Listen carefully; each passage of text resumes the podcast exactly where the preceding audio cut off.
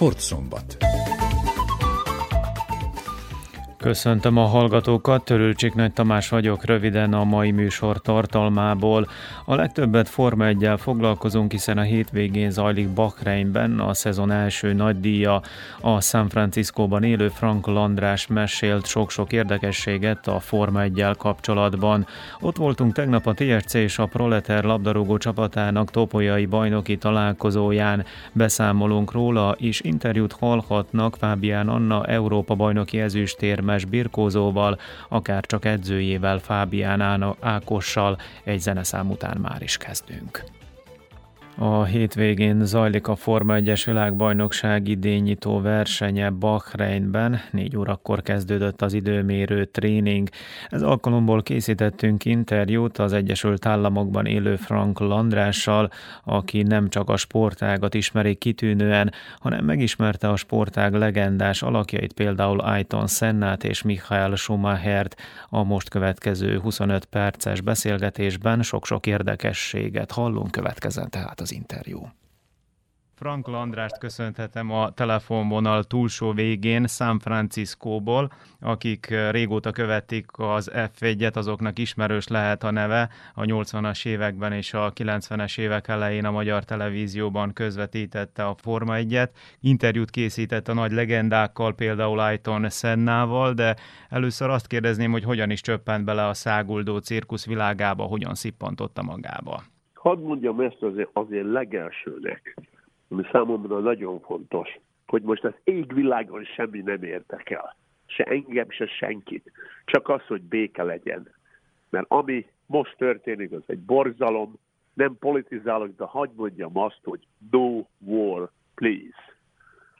Visszatérve az autós karrieremre, a Fordnál voltam először, aztán láttam egy autóversenyt fekete-fehérbe még a 60-as években, uh-huh. és nagyon megtetszett a dolog, és akkor nagyon beleszerettem, elkezdtem versenyekre járni, fényképezni, érdekes módon még az átkosban, tehát 1971-ben megkeresett az Automotor című lap, és megkértek, hogy küldjek jó anyagokat Angliából. Akkor ott éltem, úgy látszik az anyagok jók lehettek, mert utána a tévé is megkeresett, és a rádió is, akkor elkezdtem dolgozni kollégákkal, mint Dávid Sándorral, Gyula Istvánnal, Nézi Jenővel.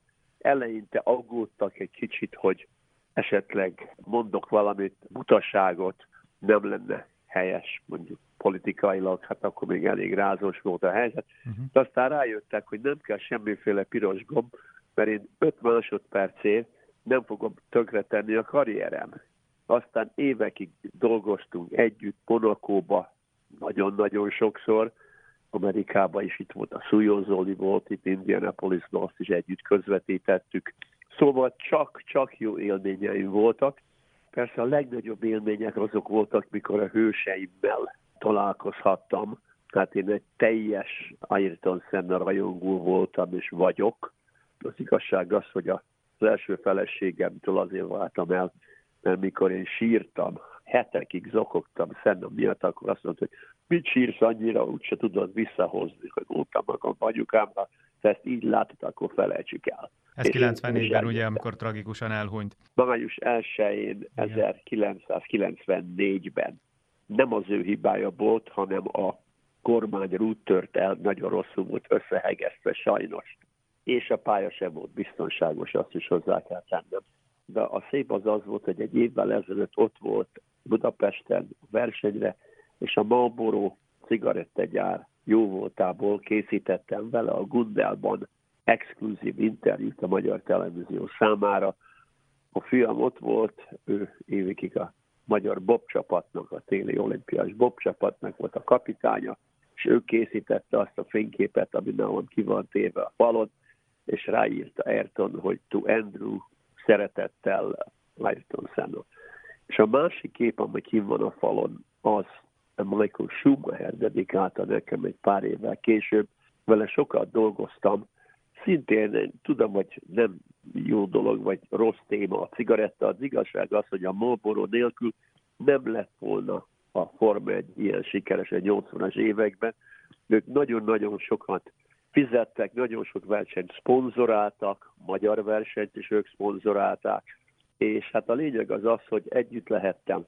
Schumacherrel nagyon megszerettük egymást, dolgokhoz hozzá kell tennem, hogy tavaly ősszel Austin, Texasban összefutottam a feleségével, Korinnával, és úgy sírva fakadtam, mint a sic. Előhozta a régi szép emlékeket, ő vigasztalt engem, és nem én vigasztaltam ő. Hát persze aztán küldtem neki egy könyvet, írtam egy könyvet angolul, az a beszélgetés nem azért történik, hogy én könyvet áruljak. De nyugodtan mondja el a de, címét. De, de az a cím, hogy Frankly, tehát Frankly Frankl, tehát a nevem csak egy L és Y van a végén, és oda van írva, hogy ez a cím, hogy Love, Love, Life, Automobiles, valami ilyesmi. Elég büszke vagyok rá, megmondom őszintén. Szóval Ayrton említettem, Schumacher szintén, a maiak közül, megmondom egész össze, nem vagyok hazudós, nagyon-nagyon keveset ismerek. Hamilton no, találkoztam 2007-ben, és véletlenül ugyanabban a szállodában voltunk Monakóba. És mondom, Louis, megkérhetlek valamire? Azt mondja, mire? Mondom, ne változz meg. Mondom, maradj az az aranyos, kedves gyerek, ami vagy, és ne vigyen el a gépszíj. Hát, Elvi, elvitte? Hiszem, Hát lehet mondani, hogy 500 milliója van a bankban, de a lényeg az az, hogy hetesszer volt világbajnok, és egy hajszál hiány nyolcadszor is megnyerte volna, ha nem lett volna az az ominózus verseny, amiről a mai napig megy a vita. Erre a versenyre rá akarok kérdezni, de kanyarodjunk egy picit vissza Aiton Sennára. Arra lennék kíváncsi, hogy mitől volt ő annyira különleges, hiszen még mindig beszélünk róla, pedig lassan 30 éve meghalt, miközben például Nelson Pikére, aki Sennához hasonlóan brazil és háromszoros világbajnok, egy kis túlzással senki sem emlékszik. Pontosan így van, már csak azért sem, mert senki nem szerette. A mai napig utálom. Mert egyszer egy, a Playboy nevű magazinban nagyon csúnyán nyilatkozott Sennáról, és Nigel Mansellről is. Az egyszerűség kedvére azt mondta, hogy a Mansell feleségénél csúnyább nőt ő még életében nem látott. Elég övön Hát ezt lehet mondani, de a, hozzá kell tennem, ha már szóba került, hogy ez a sors iróniája, hogy Max Verstappen az új világbajnok barátnője Nelson Piqué lánya. Erre kitérek egy pillanatra. Nelson Piqué lánya egy nagyon-nagyon szép nő, összeállt az orosz Kviattal Monakóban, aki szomszédja Max Verstappennek.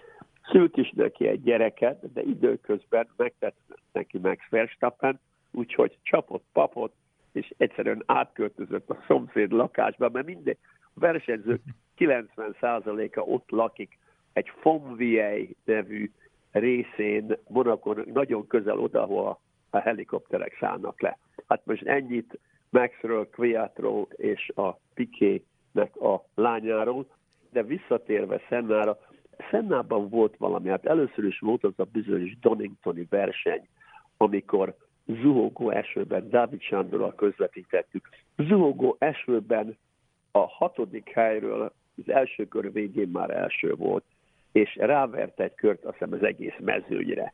Szóval olyan csodálatosan vezetett, és a hangja milyen volt, egy egészen különleges, meleg hangja volt, az ember megszólalt, az ember sírva fakaszolt, nagyon emberi volt.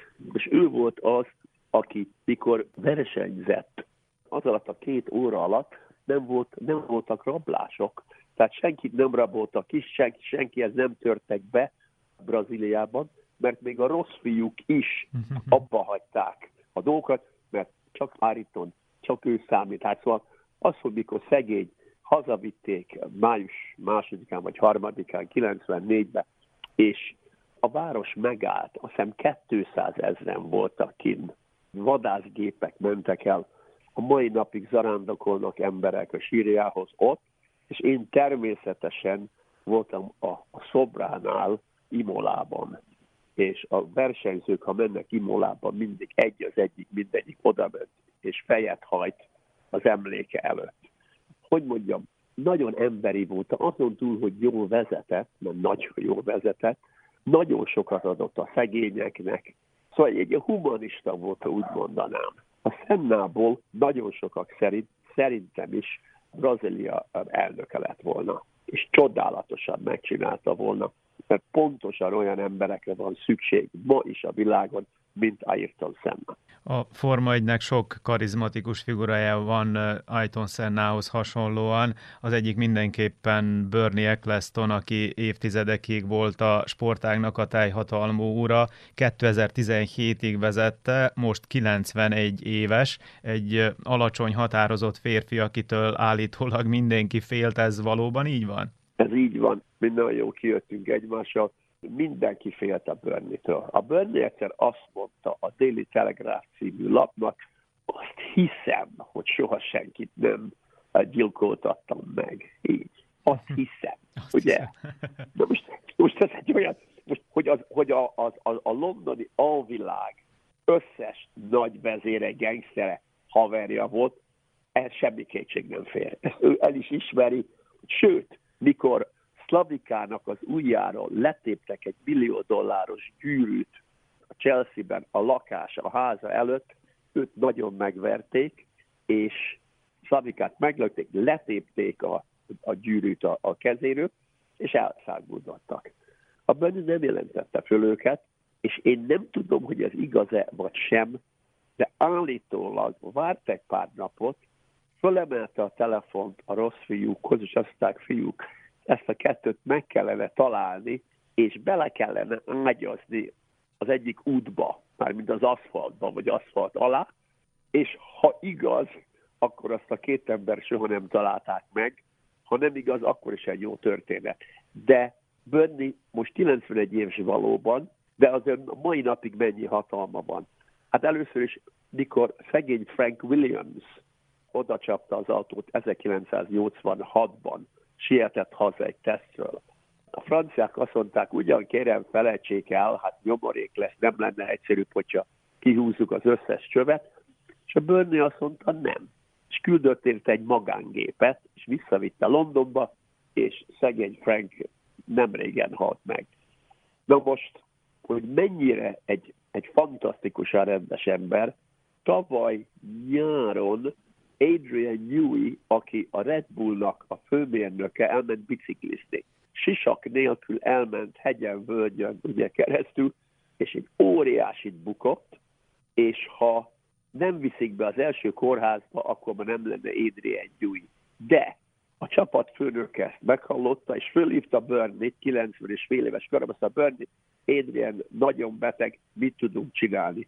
A Bernie fölhívta, ha nem tévedek, Horvátország miniszterelnökét, és azt mondta, nagyon kérem, küldje ebbe és ebbe a kórházba a két legjobb agysebész az országban.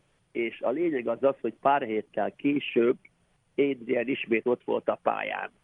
Szóval kiintézte el. És sok-sok mást is elintézett, nagyon sok embernek segített, akiknek ilyen gondjaik voltak, családi gondjaik. Szóval én nagyon szeretem, mindig is nagyon szerettem, de azt hiszem, most lenne jó megemlíteni ezt a műsort, amiről megy a vita, ugye? Ez a bizonyos Drive to Survive-nak a negyedik felvonása, nyilván Szerbiában is már nagyon sokan megnézték. Igen, a Netflix népszerű sorozata. Igen. Na most a versenyzők már panaszkodnak, hogy hát ez így volt, és nem így volt, és a lényeg az az, hogy nagyon jó televízió. Szóval mind, mind televízió, mind műsor szenzációs. Hát persze, hogy dramatizálták, különben nem nézte volna a kutya se. Na most én beszéltem valakivel, aki ezen dolgozott, és mondom, miért nem mutatták Alonzót, és miért nem mutatták Fettót? Ezt még a magyar tévében sem mondtam, ahol szóval egy ilyen exkluzív dolog. Köszönjük. Boldogan. Erre azt válaszolta nekem, hogy egy volt világbajnok, aki sikertelen, az rossz televízió. Slussz.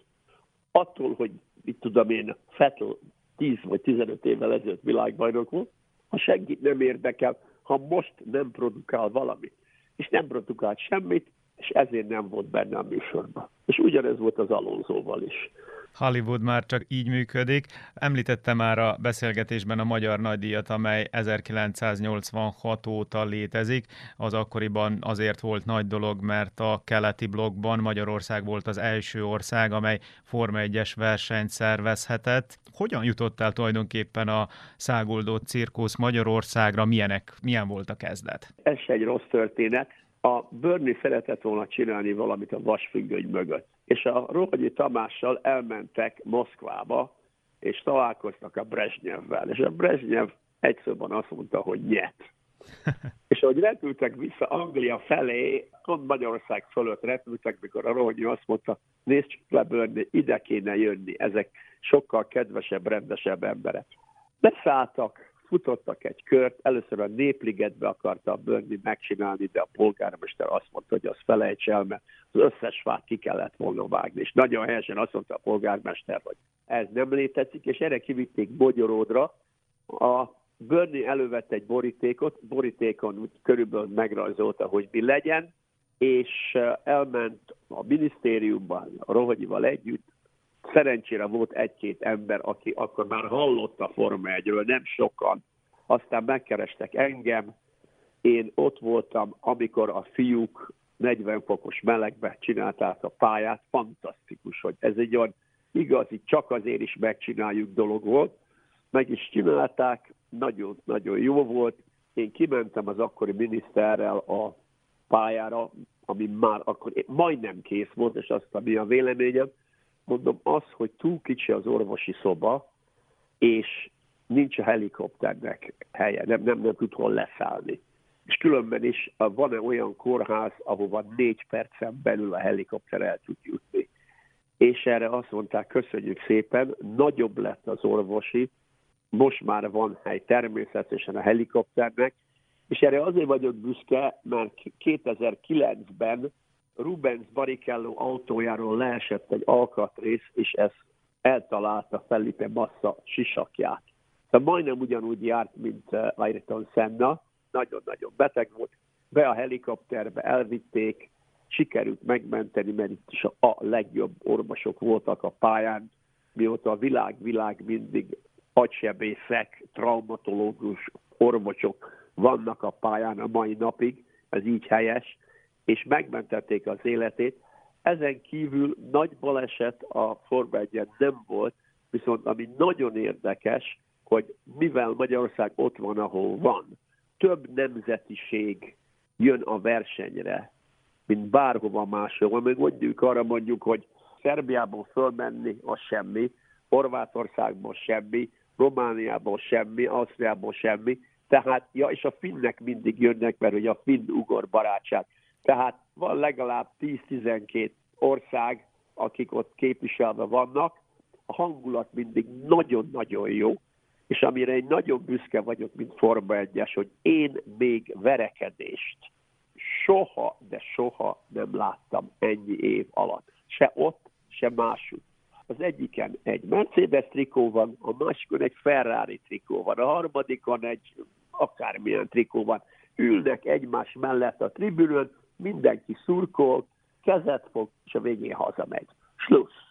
Foci meccsen, ezt nem tudnám garantálni mondjuk egy Újpest-Fradi meccsen kanyarodjunk egy picit a jelenhez. Egy kérdés az előző évi idényről, amely az utolsó futam utolsó körében dőlt el Max Verstappen javára, illetve Lewis Hamilton kárára. Rengeteg indulat követte ezt az idény záró futamot. Tudom, hogy nem élik az újságírót erről kérdezni, de kinek szurkolt a holland vagy a brit versenyzőnek, és hát tulajdonképpen mit szólt a végkifejlethez?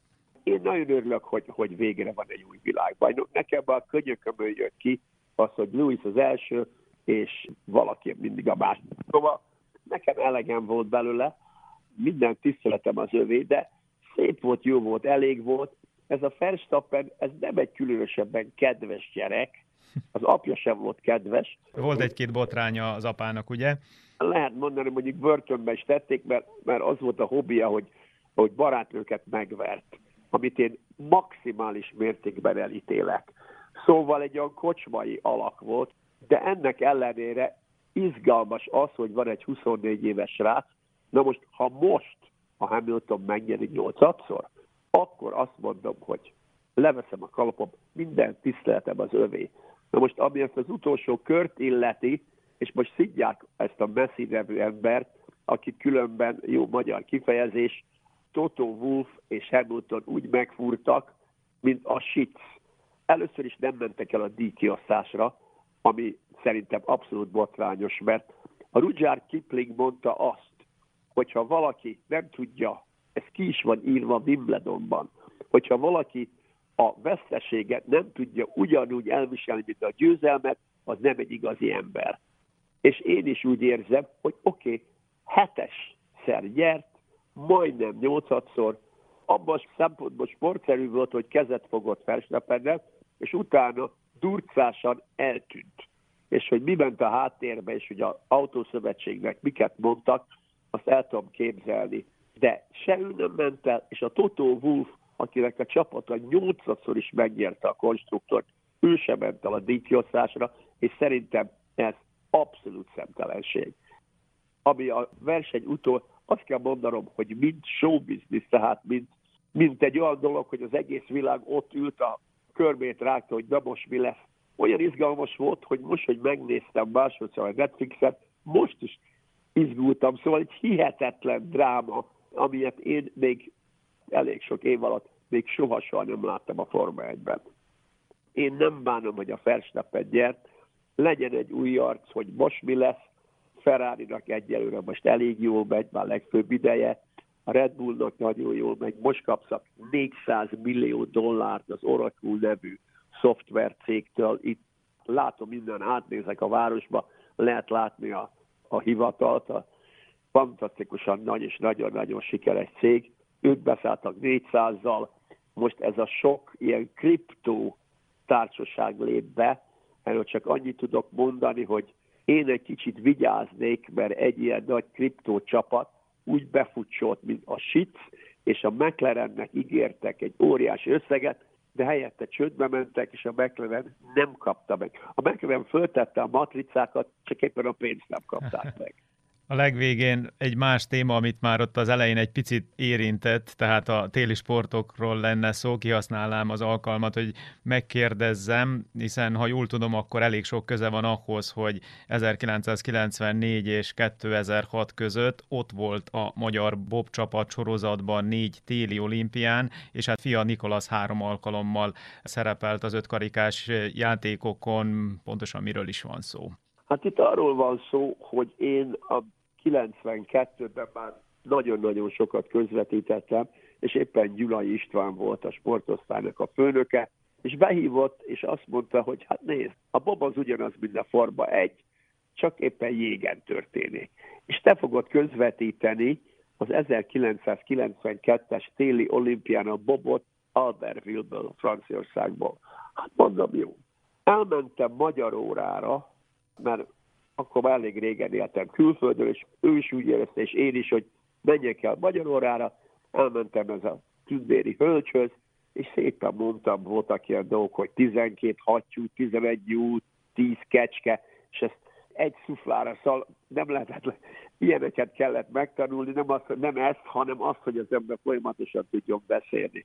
És a hölgynek a mai napig hálás vagyok. Most ott vagyok, közvetítek, és találkozom a főnökével a Nemzetközi Bob Szövetségnek. És azt mondja nekem, te, András, Andrew, nincs elég csapatunk, és ha nem tudunk több csapatot verbuválni, akkor a Nemzetközi Olimpiai Bizottság ki fogja a bobot csapni, mint sportot.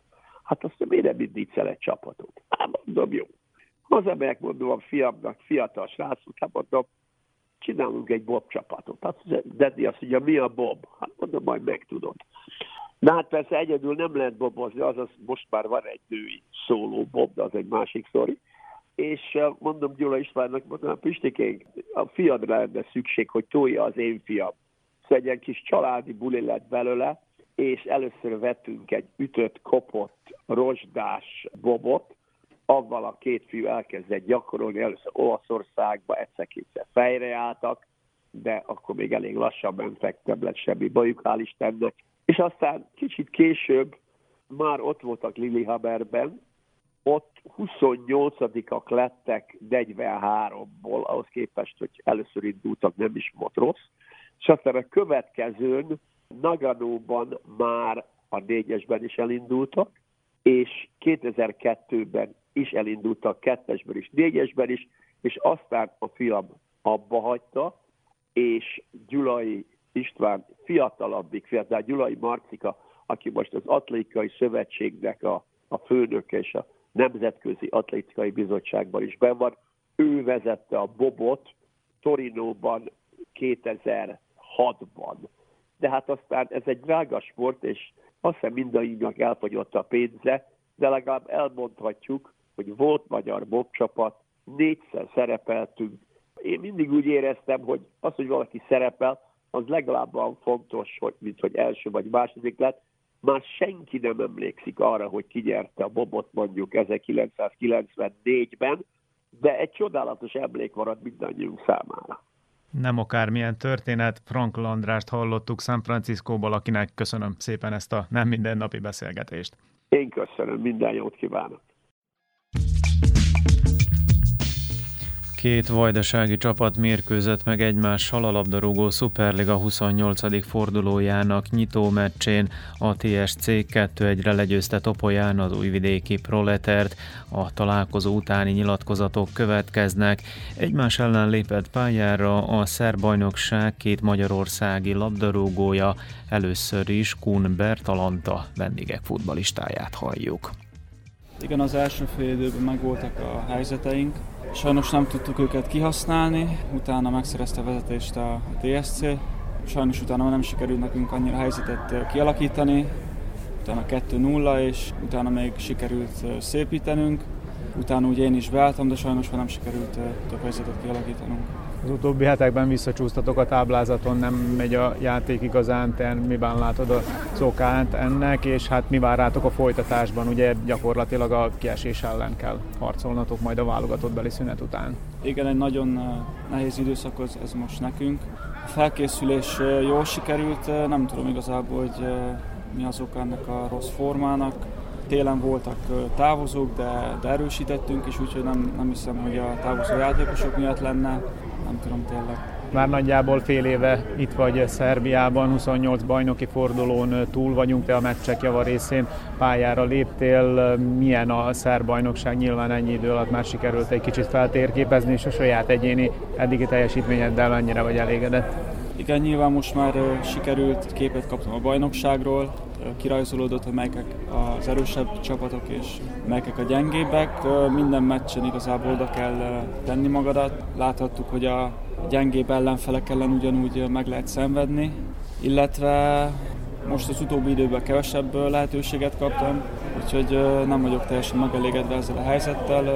Szeretnék minél többet játszani a bajnokság hátra lévő részébe, és gólokat rúgni, segíteni a csapatot. Végül még megkérdeznélek arról, hogy milyen volt itt a Topolyai stadionban játszani, ugye a legmodernebb itt Szerbiában, de milyen volt itt pályára lépni? Igen, ez egy nagyszerű stadion, és nagyon jó érzés volt pályára lépni. Sajnálom, hogy csak ilyen keveset töltettem a pályán, és igazából igen, hogyha több ilyen stadion lenne a bajnokságban, szerintem az a bajnokságnak is jót tenne, színvonalasabb lenne, de tényleg ez egy nagyszerű stadion. Bocskai Bertalan, a TRC középpályása a Proleter elleni győztes meccs után elmondta, örül annak, hogy hozzá tudott tenni a csapat diadalához igazságtalan lett volna, ha, ha ma nem nyerünk. Nagyon sok helyzetünk volt, ebből kettőt be tudtunk rugni, amivel, amivel sikerült behúzunk a három pontot, de, de több is lehetett volna közte azért. A Proleter ugye nincs, nincs túl jó paszban, és, és ezt hát úgy, hogy ki tudtuk használni. Mondom, én, én nagyon örülök a három pontnak, annak is, hogy játszottam, úgy érzem, hogy hozzá tudtam tenni a, a csapatnak a teljesítményéhez és a sikeréhez, úgyhogy szerintem most mindenki boldog. Most egy kis szünet következik a bajnokságban, a válogatott mérkőzések miatt, utána még összesen kilenc bajnoki találkozó vár rátok. Mit vársz a folytatástól? Igen, most jön egy kisebb szünet, lesz egy pár nap pihenünk, utána pedig keményen fogunk dolgozni, meg elemezni a dolgokat, hogy min kell javítani a jövőre nézve, és az a következő kilenc mérkőzésre nézve. Nagyon nehéz meccseink lesznek, nem sokára ugye megyünk kétszer Belgrádba, egyszer a Partizánhoz, utána meg egyből a Zvezdahoz kupa mérkőzésre. Úgyhogy nagyon nehéz lesz, és fejben nagyon oda kell tennünk magunkat, ugyanis ez a playoff és a hajrá mindenkinek talán a legfontosabb, és nekünk is. Ha jól tudom, ez a pénteki mérkőzés után egy pár szabad nap következik. Itt leszel-e Topolyán, vagy hazautazol, mivel töltöd az elkövetkező pár napot? Nem, én, én most megyek is egyből haza Budapestre, utána pedig, ahogy mondtam, egy pár, pár nap szabad nap lesz, három-négy, és utána pedig jövünk vissza, és dolgozunk keményen tovább. Palágyi Szabolcs, a topolyaiak vezérigazgatója a Proleter elleni győztes meccs után azt mondta, bízik abban, hogy a szezon hátra levő részében kiharcolják az Európai Kupa szereplést. Számunkra nagyon fontos volt ez a mérkőzés, nagyon fontos volt valójában három pont, mert az kell nekünk, hogy az elkövetkező két mérkőzés és ez a, mai hazai mérkőzés sen keresztül biztosítsuk a playoff szereplést, úgy érzem, hogy nagy kő esett le a szívünkről, tehát hogyha ha megnézzük, hogy a negyedik helytől egész a 13. negyedik helyig nagyon, nagyon együtt van a, a mezőny, minden pont, minden mérkőzés fontos, és én úgy látom, hogy nagy győzelmet arattunk. Nagyon éretten játszunk, és ahogy a, az elmúlt hétvégén is mondtam, kijelentettem, hogy, hogy ez a csapat ez, ez úgy néz ki, hogy szépen érik be, és Kuletic nélkül játszottunk ma, gondoltuk, hogy kicsit nehezebb lesz, de, de valahogy most már a hazai pályán is előjön rajtunk egy, egy magabiztosság, egy határozottság, és, és szerintem ennek köszönve jönnek ezek a most már jó eredmények is. Gratulálok a fiúknak, gratulálok az edzőnek, mert, mert úgy látom, hogy a munkája és a szakmai munkája kijön a játékunkon, és, és hát remélem, hogy ezek után még könnyebben, még nyugodtabban tudunk játszani a Partizán ellen is, valamint utána van a kupa mérkőzésünk, a Crvena Zvezda ellen is a 30. fordulóban a Vosdavac ellen a, a mérkőzés. Ha így folytatjuk, ha így fog lejönni rajtunk a, a magabiztosság, én azt mondom, hogy nagy eredményekre is képesek leszünk, de ahogy mindig is mondtuk, legyen a következő mérkőzés az, amelyen, amelyen törjük a fejünket, gondolkodunk, és utána majd lépünk tovább. Úgy tűnik, hogy egy kicsit stabilizálódott a csapat, amióta Lazetics edző átvette az irányítást, ez valóban így van-e, és hát a szurkolók abban reménykednek, hogy esetleg a TSC ismét kijut az Európai Kupa porondra, még elég messze vagyunk, van odáig 9 mérkőzés, tehát a bajnokság végéig, de ez mennyire reális? Igen, 9 mérkőzés van odáig, kitűztünk célokat erre a bajnok idényre, mikor megjött Lazetics edző, akkor úgy mondtuk, hogy az első cél legyen a, a play-offba jutás, vagyis hogy az első nyolc hely valamelyikét érjük el. Úgy érzem, hogy nagyon közel vagyunk hozzá, tehát hogy ez, ez a playoff szereplés meg lesz.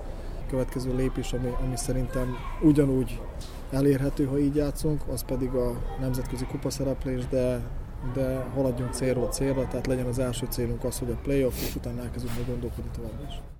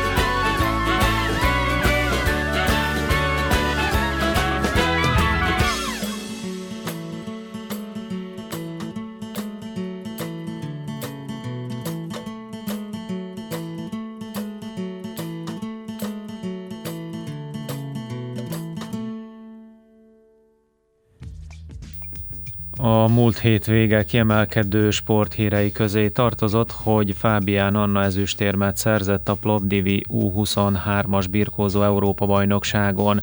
Az EB után a magyar kanizsai versenyző pár napot otthon töltött, ekkor kérte mikrofonhoz Túró István kollégánk, most ez a riport következik. A szerbiai birkozás történetében a 2021-es esztendő az utóbbi évek legsikeresebbje volt. Az első idei versenyek után úgy tűnik, hogy a 2022-es év is hasonlóan sikeres lesz, ugyanis a bulgáriai Plovdivban megtartott 23 éves korosztályú birkozó Európa bajnokságról két éremmel tértek haza a szerbiai birkozók.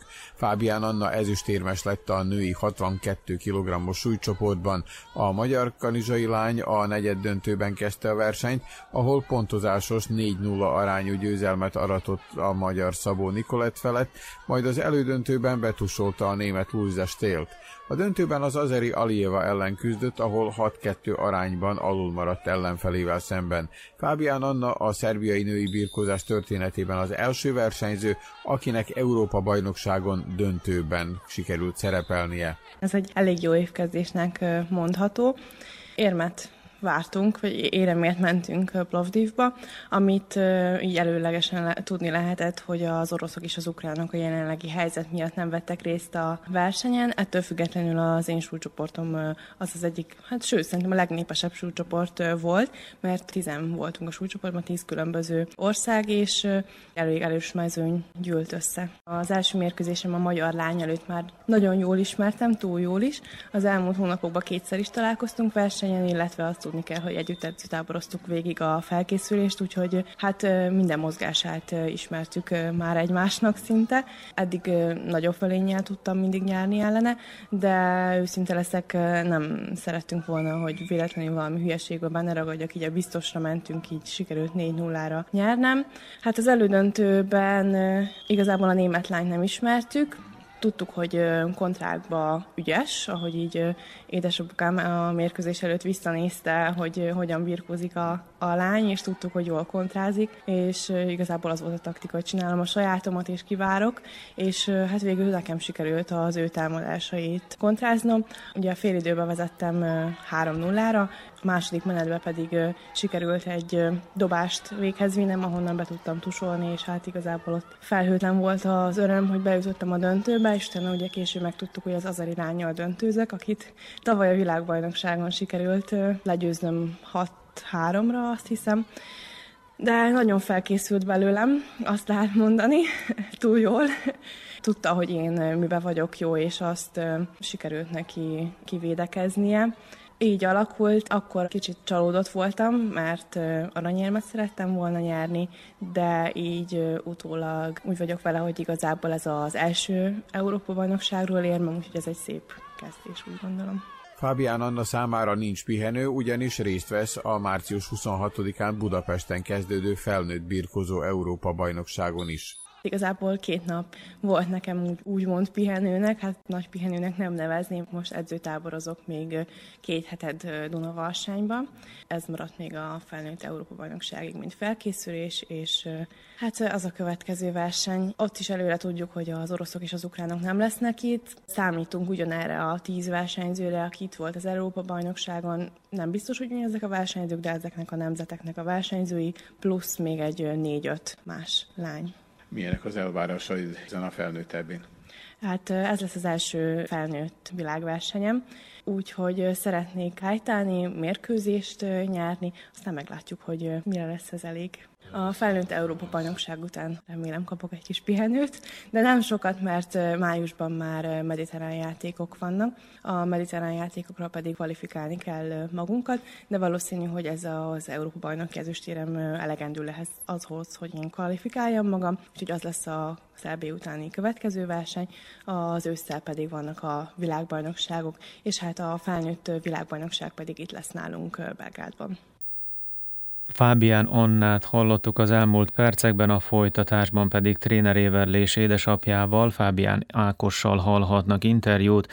A Magyar Kanizsai Birkózó Akadémia női szekciójának edzőjét először a Plovdivi Európa bajnokság döntőjéről kérdeztük a riporter Miklós Csongor.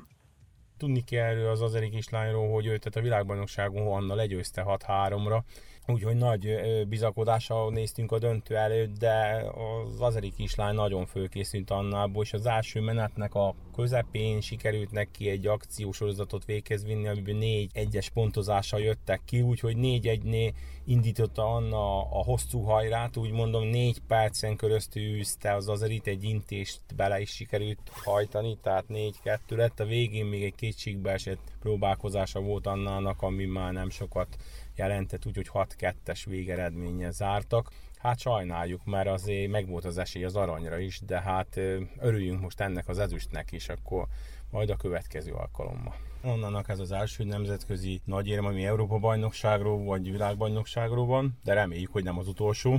Hát lépésről lépésre haladtunk. Először ugye az volt a cél az első világversenyeken, hogy pontot tudjunk szerezni az megtörtént, aztán, hogy győzelmeket tudjunk szerezni. Az is megtörtént tavaly a világbajnokságon, ahol Anna ötödik lett, most pedig már egyértelműen az érem volt a cél, úgyhogy nagyon örülünk, hogy ezt a tervet így ilyen szépen ki tudtuk vitelezni. Anna az utóbbi időben Magyarországon is edz, hiszen ott tanul. Így van, így van, tehát ezt is az egész tanulmányát is úgy alakítottuk, meg ezt az egyetemet is úgy választottuk, hogy azért a birkózást be tudjuk bele kombinálni, mivel hogy Magyarországon nagyon jó föltételek vannak, mint edzőpartnerok, mint edzők, úgyhogy úgy mondom, Anna ő már kinőtte ezt a közegünket itt Kanizsán, tehát mint edzőpartner, tehát mint szakmai tudás. miatt is el kellett. Így van, tehát ez egy, ez egy, ez egy kézenfekvő út volt, és ez nagyon jó, hogy meg ebbe partner volt a Magyar Birkózó Szövetség is, úgyhogy teljesen befogadták Annát, és egyenrangúan kezelik a saját versenyzőjeikkel. Én azt hiszem, hogy a hazai sportközülemény számára ez az érem azért is érdekes, mert ti itt a, mondhatom, hogy Kanizsán kezdtétek el Annával a női birkózást Szerbiába egy olyan komoly szinten nyomni, amire fel lehetett úgy igazából figyelni. Ezzel együtt Anna szerezte meg a szerb birkózás első női érmét. Valójában a női birkózás létezett már Szerbiában egy 20 éve, de igencsak a Cselgáncsból hoztak versenyzőket, akik az országos bajnokságon elindultak. Tehát hazai rendezésű Európa-bajnokság, világbajnokság alkalmával fölléptek a, a szerb női birkozók, de hát maradandót nem tudtak alkotni. Anna, mondhatnám ő, aki igazából birkózással kezdett el foglalkozni, kicsi korától kezdve, és egészen ugye a fölnőtt korosztályig most már ő föllépett versenyeken. És ebből a szemszögből érdekes maga Kanizsa is, mert itt már jó régóta dolgozol lányokkal. Kanizsán Annával kezdtük el ugye a, a lány szekciót, és folyamatosan csatlakoznak hozzá újabb és újabb kislányok, akik megpróbálkoznak vele kisebb-nagyobb sikerre. Tavaly a Fábián Orsolya homokbirkózásba Európa bajnoki ezüstérmet szerzett, és új helyi aki a Balkán bajnokságon aranyérmes lett. Tehát vannak eredményeink már most a női szekcióba is, és, de nem csak a klubon belül, hanem ugye szerbiai korosztályos válogatottak is egyre jobb eredményeket hoznak. És említett, hogy most már ki tudtok állítani egy jó kis csapatot. Igen, igen, most már kadett korosztályba, tehát akiknek Anna úgymond már példakép is, ők már tudatosan birkózók akarnak lenni, úgyhogy itt az akadémián, Magyar Kanizsai Birkózó Akadémián lányokkal is foglalkozunk, nem csak kanizsaiakkal, hanem környékbeliekkel, sőt Beográdban is van egy-két versenyző, aki itt készül velünk, és egész ügyesek, és én, én gondolom, hogy Anna volt az első a sorba, és utána még fognak jönni, akik föltörekvők fiatalok. Nem olyan régóta egy külföldi edzővel is dolgoztok. Vajon köszönhető ennek ez a minőségi előrelépés? Igen, Elica Jankova egy bulgár hölgy, aki segíti a munkánkat. Ő a Riói olimpián bronzérmet szerzett, és január óta ő is besegít a szakmai munkába. Főleg ez nagyon fontos, mivel hogy én se vagyok képzett szabadfogású edző. Tehát amikor én sportoltam, én kötött fogással foglalkoztam. Tehát azokat az apró pici technikákat, nianszokat, azt sokkal jobban le tudja oktatni, és így közösen én úgy gondolom, hogy egy nagyon jó csapatot tudunk alkotni, mint edzők, sőt Magyarországról is kapunk segítséget Péteri András személyébe, aki két hetente jön, segít nekünk a munkába, úgyhogy a lányoknak minden föltétel adott ahhoz, hogy nagyon szép eredményeket érjenek el akár Anna. Itt még egyszer kiemeljük tehát, hogy a Kanizsai Akadémián lányok is birkózhatnak, és gyakorlatilag úgy edzenek, mint a fiúk, gondolok a tempóra, hogy naponta... Hát igen, az edzésbeosztás az olyan, mint a fiúké, de én elárulok egy titkot, a lányok keményebben edzenek, mint a fiúk. Sokkal nagyobb, magasabb a fájdalom küszöbük, sokkal intenzívebb edzést tudnak el, hihetetlen, de így van. Kevesebbet nyafognak, inkább sírnak, de végig csinálják az edzést komolyan úgyhogy nagyon meg vagyok velük elégedve. Kilenc bentlakó lányunk van, aki bent lakik, és hozzájuk még csatlakoznak ö, időnként ugye a, a kanizsaiak, akik nem bent lakók, meg Fölsőhegyről és a környékbeli klubokból is szoktak jönni hozzánk. Mondhatjuk, hogy terjed az ige és terjed a női birkózás. Hát én bízok benne, hogy ez így van, és remélem, hogy, a, hogy ezzel egybe a sikeressége is meg fog növekedni a női birkózásnak. A következő megmérettetés, ami a hónap végén, tehát március 28-án kezdődik a budapesti fölnőtt Európa bajnokság. Fölnőtt korosztály, senior korosztály, újabb alkalom, ahol meg tudjuk mutatni, hogy mire vagyunk képesek. Remélem sikerül is. Anna fölnőtt mezőnybe birkozott már? Fölnőtt mezőnybe egy világkupát birkozott, nem sok sikerre, de ez lesz az első igazi, igazi fölnőtt versenye, ami hát Európa vagy világbajnokság. Mik az elvárásaid, hogy hogy látod? Hát ugyanúgy szeretnénk lépésről lépésre haladni itt is, tehát én azt mondom, hogy győzelmeket gyűjtsünk, hogyha sikerül győzni, a fölnőtt mezőnybe is mérkőzéseket nyerni, akkor én elégedett leszek ebben. Az érem az egy kicsit még nagyon merész álom lenne, de hogyha összejön az érem, akkor hihetetlen boldogok leszünk. Anna a legkiemelkedőbb versenyződ, illetve versenyzőtök, a többiekre vár a közeljövőbe valamiféle verseny? Persze, most a, ugye április folyamán lesznek majd korosztályos országos bajnokságok, április-május, most egyelőre a tartományi bajnokságok zajlanak, minden hétvégére jut verseny, különböző korosztályokba, úgyhogy Terve volt most, hogy majd mediterrán bajnokságot rendeznek ebbe a hónapban, de azt elhalasztották ez a háborús politikai dolgok véget, úgyhogy ez most csúszni fog, úgyhogy az országos bajnokságokra fókuszálunk. Fábián Ákos birkózó edzőt hallottuk a sportműsor végén a kollégák nevében is Törőcsik Nagy Tamás köszöni meg a figyelmet, hamarosan a hír összefoglalóval folytatjuk az adást.